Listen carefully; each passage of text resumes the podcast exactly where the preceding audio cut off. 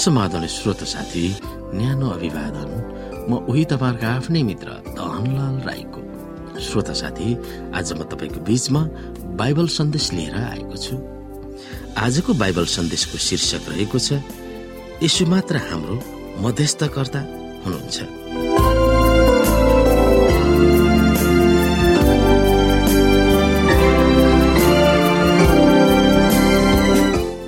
श्रोत साथी बाइबलमा भनिएको पशुलाई चिनाउने चिन्हहरू के हुन् भनेर प्रकाश तेह्र अध्यायको चार र पाँचमा केलाएर हामी हेर्न सक्छौँ। यहाँ चारमा लेखिएको छ मानिसहरूले अजिङ्गरको पूजा गर्दथे किनकि त्यसले आफ्नो अधिकार पशुलाई दिएको थियो।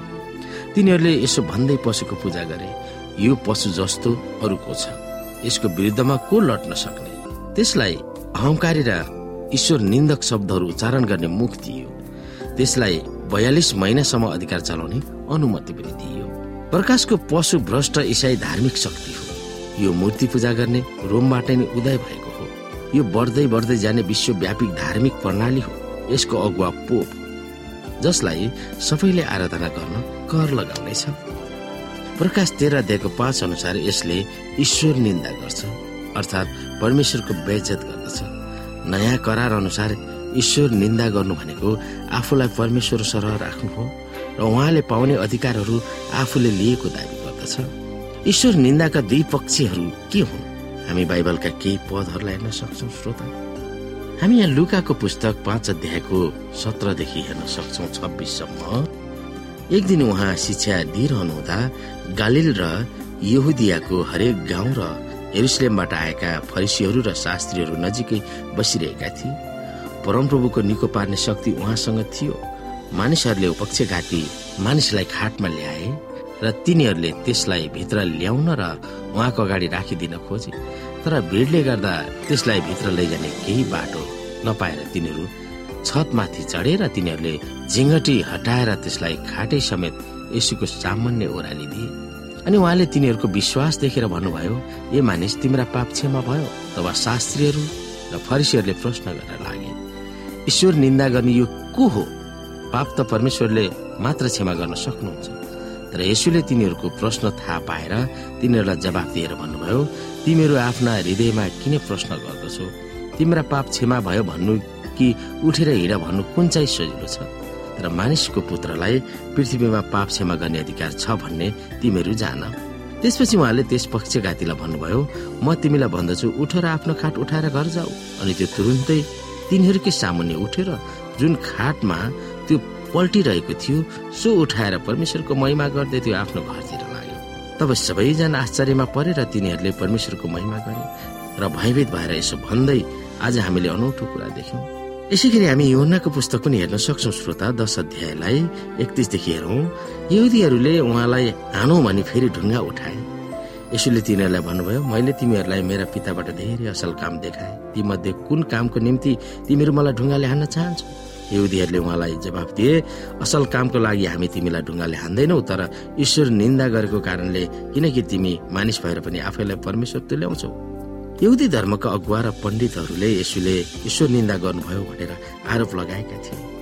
यसुको मामिलामा त्यो आरोप अन्याय थियो किनकि उहाँमा सबै शक्तिहरू छन् र परमेश्वरका भएका सबै अधिकारहरू उहाँसँग छ त्यो अधिकारमा हाम्रा पापहरू क्षमा दिने पनि एक हो किनभने यसो परमेश्वर हुनुहुन्छ। यो उहाँ आफैले प्रभावकारी ढङ्गमा यसरी व्यक्त गर्नुभएको थियो। यसोले तिमीलाई भन्नुभयो फिलिप यतिको समयसम्म म तिमीसँग छु त्यही पनि तिमीले मलाई चिन्दैनौ। जसले मलाई देखेको छ त्यसले पितालाई देखेको छ। तिमी कसरी भन्न सक्छौ? हामीलाई पिता देखाइदिनुहोस्। म पितामा छु र पिता ममा हुनुहुन्छ भनेर के तिमी विश्वास गर्दैनौ? जुन बाढी म तिमीहरूलाई भन्दछु त्यो मैले मेरो आफ्नै अधिकारमा बोलेको होइन तर ममा बास गर्नुहुने पिताले आफ्नो काम गर्नुहुन्छ। मलाई विश्वास गर कि म पितामा छु र पिता ममा हुनुहुन्छ। नत्र भने यी कामहरूकै खातिर विश्वास गर। फेरि एक तिमोथी दुई अध्यायको पाँचले हामीलाई यो सिकाउँदछ कि परमेश्वर र मानिसको बीचमा केवल एकजना मात्र मध्यस्थ गर्दा हुनुहुन्छ।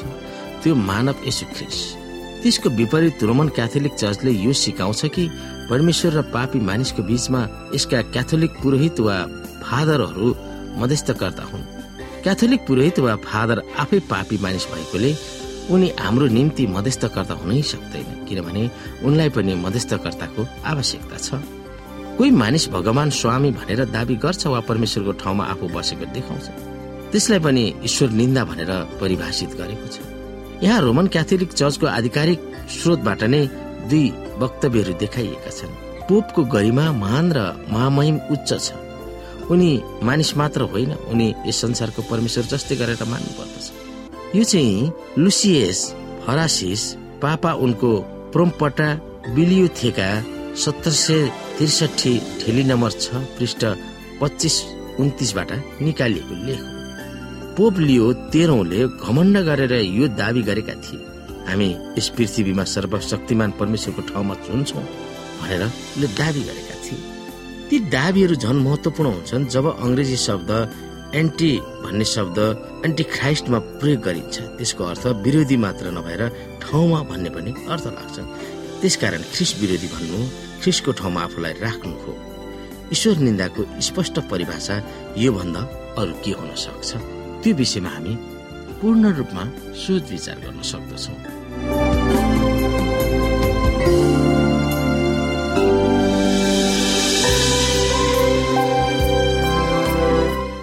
श्रोत साथी आजको लागि भएको सन्देश यति नै। हस्त नमस्ते जय मसिंह